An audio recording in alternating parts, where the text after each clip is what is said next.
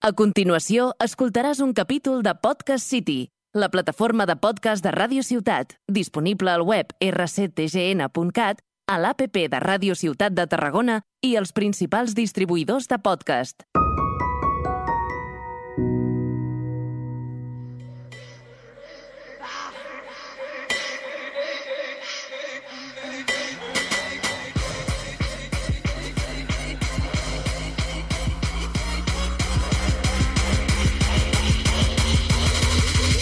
Hija de la ira, comando Hum, servicio a domicilio, venimos a... Destruir la norma, un podcast de cerdas y diamantes. nuestro espacio para compartir aprendizajes y cuestionar el sistema desde una mirada interseccional. Inmediato que va de bien queda y se las da de bueno delante la abuela.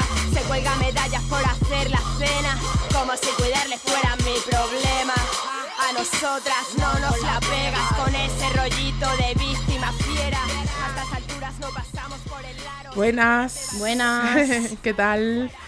Pues aquí estamos una semana más. Eh, yo soy Marjorie, como ya sabéis, y aquí, la- aquí a mi lado, Alicia. Oli, ¿qué tal? Y bueno, es un programa especial. Últimamente siempre son programas especiales. Viene el calorcito y Em, por dos cosas, porque tenemos invitade, que ahora os contamos un poquito más, y también porque es un especial del 28 de junio, Día del Orgullo LGTBIQA+, A, P plus. eh, GSD también eh, se comenta, o sea, se comenta, se dice. Sí, que justo ayer, ¿no? Estuvimos, bueno, esto ya no será en ayer, No. pero bueno, hace un tiempo eh, estuvimos en una concentración, ¿no? Que, Aquí montaron aquí sí. los colectivos LGTBI y justo, ¿no? En el cartel ellos mm, suelen poner las siglas de géneros y sexualidades disidentes, que es GSD. eh, que a veces no la gente está un poco a lo mejor Hmm. perdida con esos nuevos conceptos eh, pero bueno un poco para también desmarcarse ¿no? de todas estas siglas que a veces también están muy institucionalizadas eh, así que nada, que hay otras maneras también ¿no? de definir. Sí. Y bueno, en este sentido os traemos, como siempre, en días señalados, más o menos, os traemos un manifiesto. ¿Y empiezas tú? Sí. Hoy, Día del Orgullo, protestamos contra el control de nuestras identidades y sexualidades y luchamos por una liberación colectiva de nuestros cuerpos. Condenamos la violencia constante que se ejerce sobre personas con géneros y sexualidades disidentes, contra esa estigma- estigmatización y criminalización que mata. Año tras año vemos cómo este sistema ha convertido estas fechas en un negocio más, donde manda la mercantilización y la despolitización del movimiento.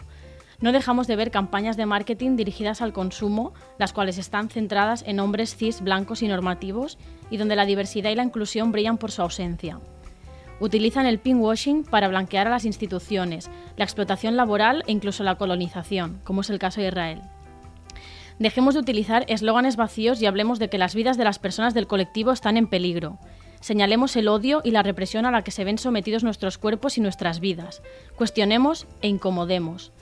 Sabemos que este sistema solo nos valida si puede sacar beneficio de ello, así que nuestra respuesta debe ser luchar desde el anticapitalismo, en contra de todo discurso neoliberal que se apropie e instrumentalice nuestras identidades y sexualidades. Debemos tener siempre presente la lucha histórica de este movimiento, una lucha que viene y sigue desde los márgenes, y donde la represión policial hacia nuestros cuerpos que incomodan, que estorban, que desagradan, ha sido habitual. Una historia de resistencia ante la violencia y la persecución. Recordemos que no es fobia, es odio. Odian que estemos fuera de la heteronorma, que no cumplamos sus roles y sus expectativas. Nos odian por romper con nuestra simple existencia, con instituciones como la familia, la iglesia, el binarismo. Colectivicémonos, hagámonos visibles, encontremos espacios seguros para ser quienes somos, para acompañarnos y para luchar con- contra la heteronormatividad. Sigamos resistiendo. Hagamos de este día un día de lucha y de protesta, que también sea inclusivo para todos. Discas, migras, putas, no hay orgullo sin ellas. No hay orgullo sin la denuncia a la precariedad a la que se nos ven, se nos ven condenadas y que no permite vidas dignas. Por un orgullo, uh, por un orgullo crítico e interseccional. Gracias. Bueno, bien intensito, ¿no? Como nos gusta a nosotras. Eh, os vamos a dejar con un poquito de musiquita y luego ya vamos con la invitada de hoy, que estamos muy contentas. Yes. Somos antisociales de menores en la calle corriendo la policía. Cuidado pa' donde vira libertad, mis compañeras y compañeros que están cana. Vamos a ir al objetivo, el paco quemarle la cara, los bombazos, la benzina y también la adrenalina. Me acompañan en la calle peleando como una niña. Robarle a los cuicos. Igual es posicionarte ante el estúpido sistema y ante puto gobernante. No me voy a quedar sentada esperando la llegada del día de su partida, del día de su bajada. Prefiero ir en busca de ellos, sabotear su autoridad, pasármelos por donde quiera para exigir mi libertad. Así que a la calma, ese día pronto llegará. Lo destruiremos todo, todo vamos a destrozar. Vamos a comenzar de cero, toda el agua va a cambiar. Abriremos todas las rejas, abajo las vamos a tirar. Paco muerto, te veo ahí tirado en el cemento. Guanes gire, chupa pico del sistema. Se aprovechan de la gente y la sobornan con ideas. Y lo ayuda y en campaña, obviamente ahí te apañan. Después se olvidan de vos. Hay que el callejón igual de oscuro. La calle queda igual para la cagada. Hay más hoyos. Bueno, como os hemos comentado, hoy tenemos invitades, estamos muy contentas.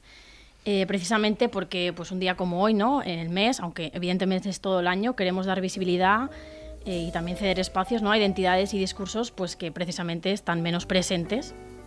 Em, incluso en estas letras ¿no? que comentábamos antes de LGTBIQ, A, eh, incluso algunas que ni se contemplan.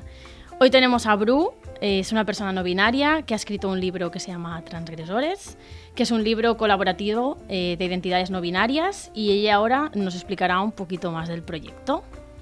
Hola Bru, Ansens. Hola, sí, ¿qué tal? Encantada un placer venir aquí, un placer estar aquí, muchas gracias. Gracias a ti. ¿Qué tal? Pues empezamos Bien, con un verdad. de presentación. Eh, perdón. Sí, Sí. si quieres presentarte, vale. Eh, pues me llamo Bru, utilizo pronombre neutro.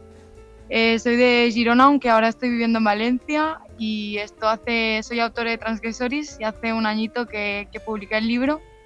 Y nada, estoy muy contenta con, con el proyecto y todo lo que me ha llevado, que también ha sido conoceros a vosotras. Pues genial. super.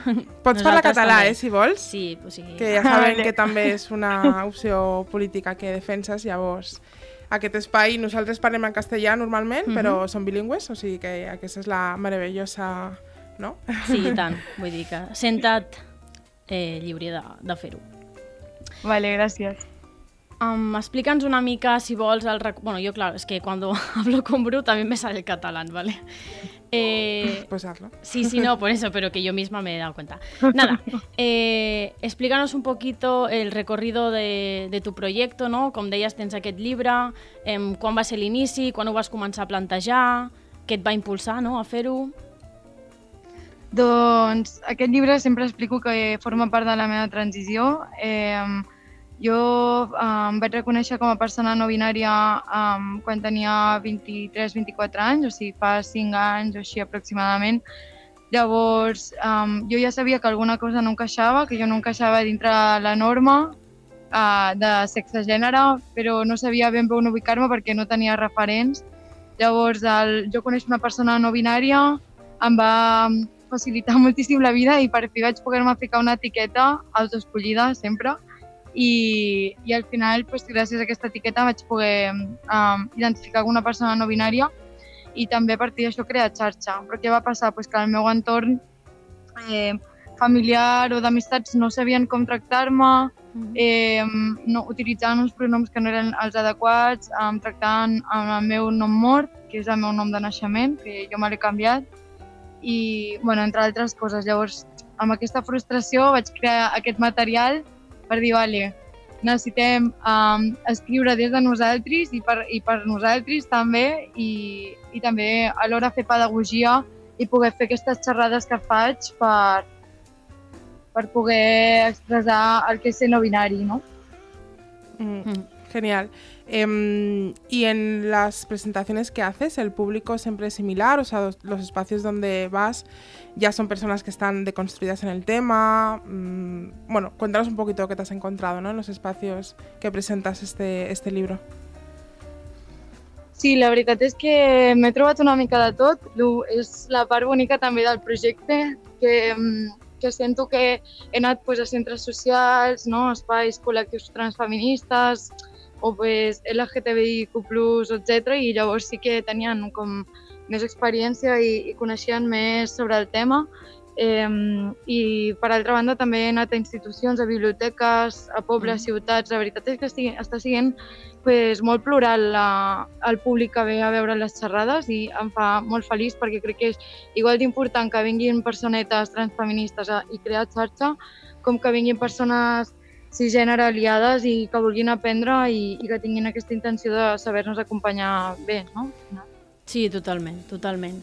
Què, què, què ens podries dir que és el que més t'agrada? Justament, bueno, ara ho parlaves una mica, no? però d'aquestes presentacions, ja que són tan plurals no? o tan heterogènies amb el públic, què és el que més t'agrada de, de poder-les fer? Nosaltres hem tingut la sort d'anar un parell ja i uh Mhm. -huh. superguai, però explica'ns tu què és el que més t'agrada.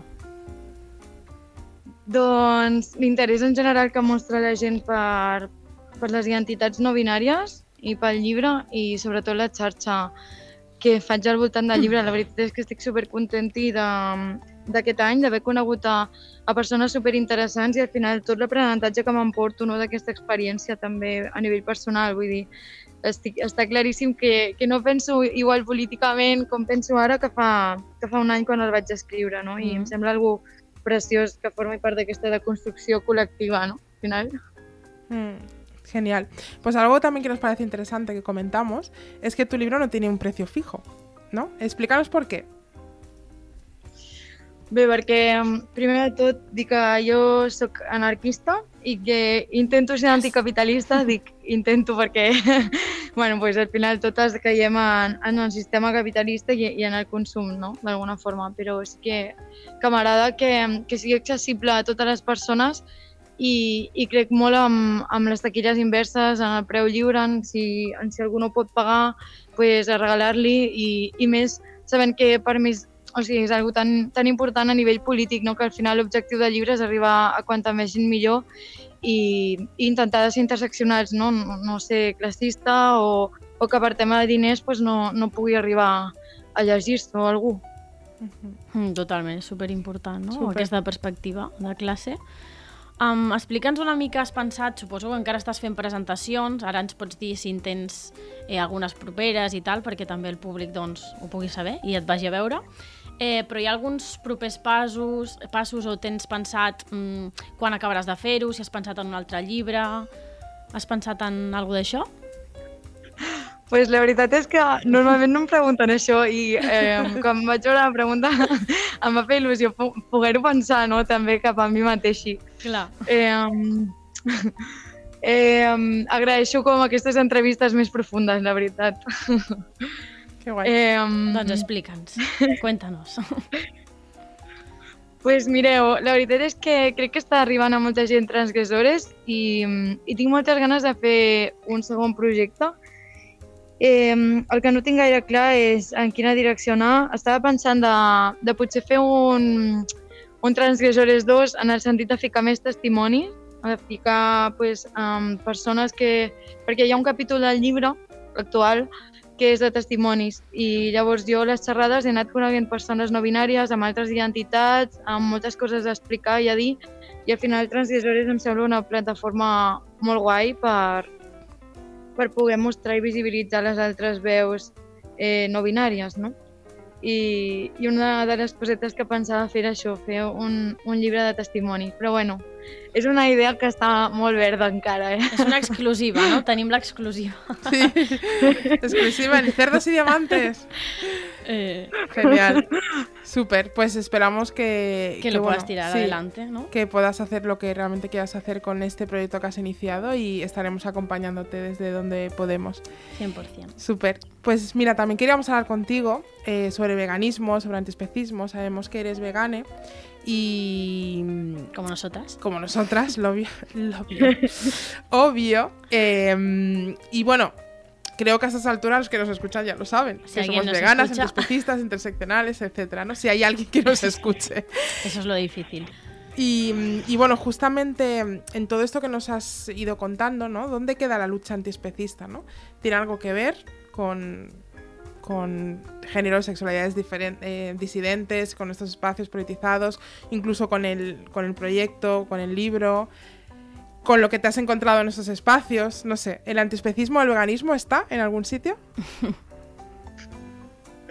M'encanta aquesta pregunta. Eh, la veritat és que mm, o sigui, jo relaciono l'antiespecisme amb el meu transfeminisme, no? igual que hi ha hagut una crítica al feminisme blanc, hegemònic o, o el de classe alta, no? Al final el burgès, pues, també, per mi també hi ha una crítica um, a partir del transfeminisme, eh, no només antiracista eh, i, trans, i de, de lluita trans, sinó que també al final per mi incloure tots els éssers vius és, és algo fonamental per, per la lluita i, i crec que van molt de la mà, no? Per mi és la lliberació total de, de tots els éssers. Segur que compartiu amb mi aquesta, aquesta visió. Sí. I, i bueno, pues una mica això. Llavors, a nivell personal, pues, eh, sí que dins de Transgressor he volgut ficar un testimoni sobre una compra que es diu Fanny, que és d'almes veganes, que, que té un santuari d'animals a Catalunya, precisament a, a la província de Girona, i sempre es queixa de que, bueno, de que té molts problemes per, per pagar, eh, que necessiten més ajuda, que no tenen prou persones al santuari i a més bueno, pues, també és treballadora sexual i, i no només això, sinó que també és una persona no binària. I allí sempre m'explicava que, que és, bueno, que amb totes aquestes interseccions com que per, per molt de suport no? dintre, mm. dintre el col·lectiu de persones veganes, antispacistes i, i una mica compartir amb aquesta interseccionalitat i per això també per mi és superimportant. Eh, I sí que he anat amb col·lectius santuaris, eh, espais antispacistes, però la veritat és que costa molt el tema del no binarisme.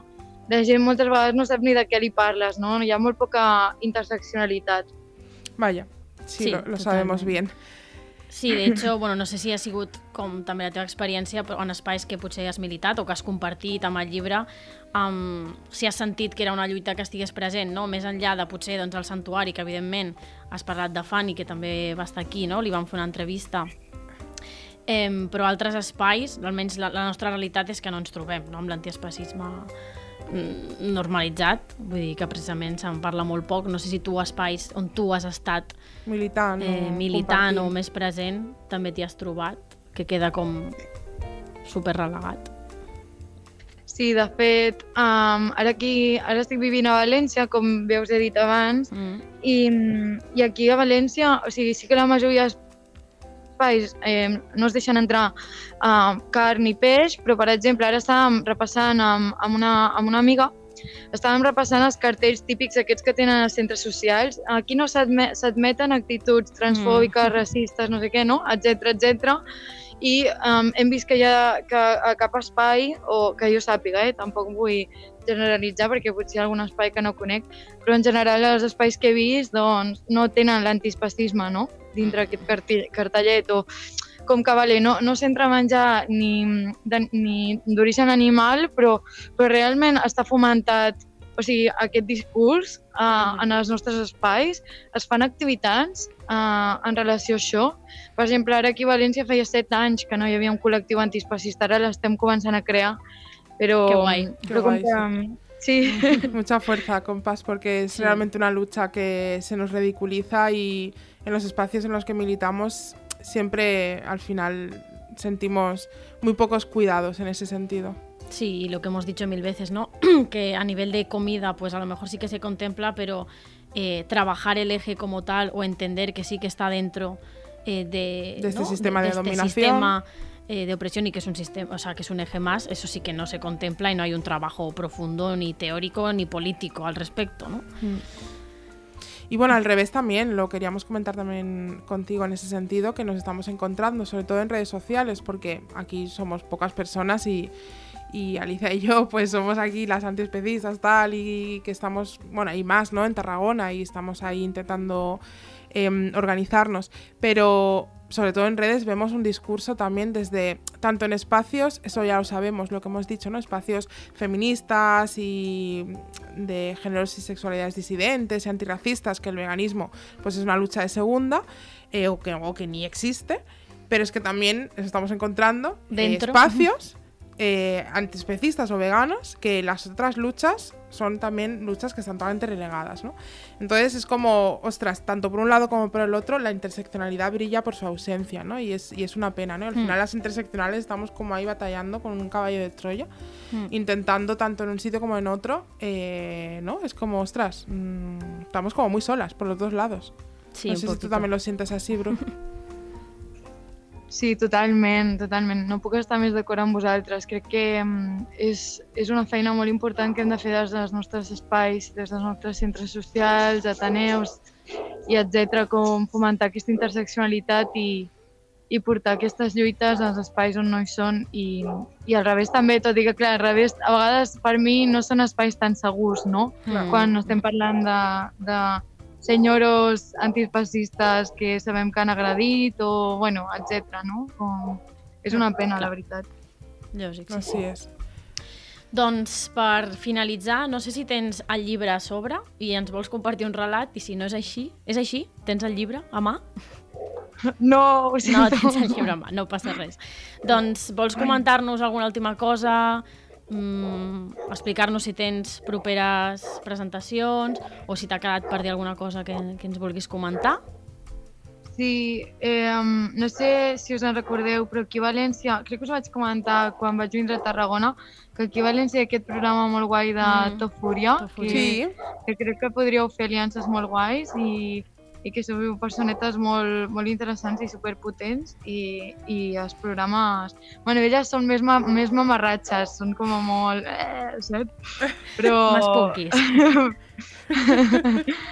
eh, però sí, i eh, llavors dir-vos també que el 24 d'aquest mes faig una xerrada aquí a la Caixeta, que és un projecte transfeminista, eh, molt guai d'aquí a València, i després cap a, cap a finals de juny aniré cap a Catalunya i allà en tinc com programades en dues setmanes en tinc 5 o 6, així que uau. tocarà quasi tots els territoris, així que resteu atentis i, i podeu mirar el meu, el meu Instagram, que és Mm. trans barra baixa agressoris, i, i allà penjo tota la informació. Super, Genial. doncs moltíssimes gràcies, Bru, per Gràcies, Bru. haver-nos explicat. I seguir Vale. fent aquesta xarxa, no?, que és tan important per totis. Mm. I, I... moltes gràcies Mhm. per crear aquest espai i, i per invitar-me al programa. Pues una, un abrazo, una abraçada molt forta, Bru, i un petonàs. Mua, mua. I ens veiem. Adéu. Adéu. Adéu. Adeu, Bru, merci.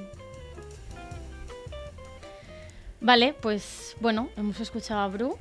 Mm, antes de acabar, compartimos. ¿Quieres decir algo o compartimos la última cancioncilla? Sí, compartimos la última canción. Que un buen título. Demasiado coño. Yes. y sigue con tu vida. No quiero oír tu maldita opinión. No puedo más, por favor, me tienes aburrida. Parece que te pagan por hablar. ¿Sabes lo que pasa aquí o no? Demasiado coño para ti, mi amor. ¿Sabes lo que pasa, sí o no? Es demasiado coño para ti, mi amor. ¿Sabes lo que pasa aquí o no? Es demasiado coño para ti, mi amor. ¿Sabes lo que pasa, sí?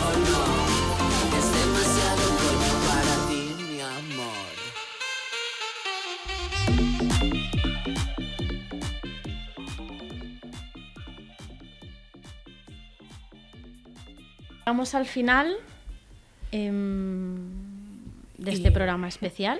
Así es. Ubiquémonos.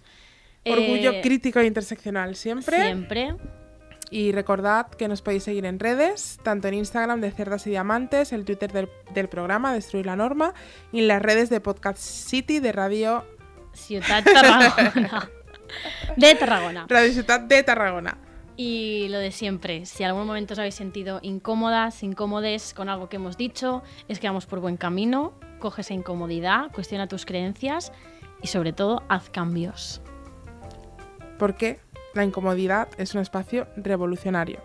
Cuando la norma es opresión, Destruirla es un derecho. Uh. uh, adeu. Chao, chao. como las vacas. Mucha barriga, pero con las patas flacas, cabeza chiquito, celulitis con los muslos blanditos, muchos labios, bembón bembona, una nariz que parece otra persona. Aquí todos somos deformes y nos resistimos a usar uniformes. Lo más feo de la flor es el tallo, la belleza se alimenta de fallos. Como nos vemos curiosos, ponemos a los lindos nerviosos. Que toda la gente nos señale lo que no es igual, sobresale. Soy anormal.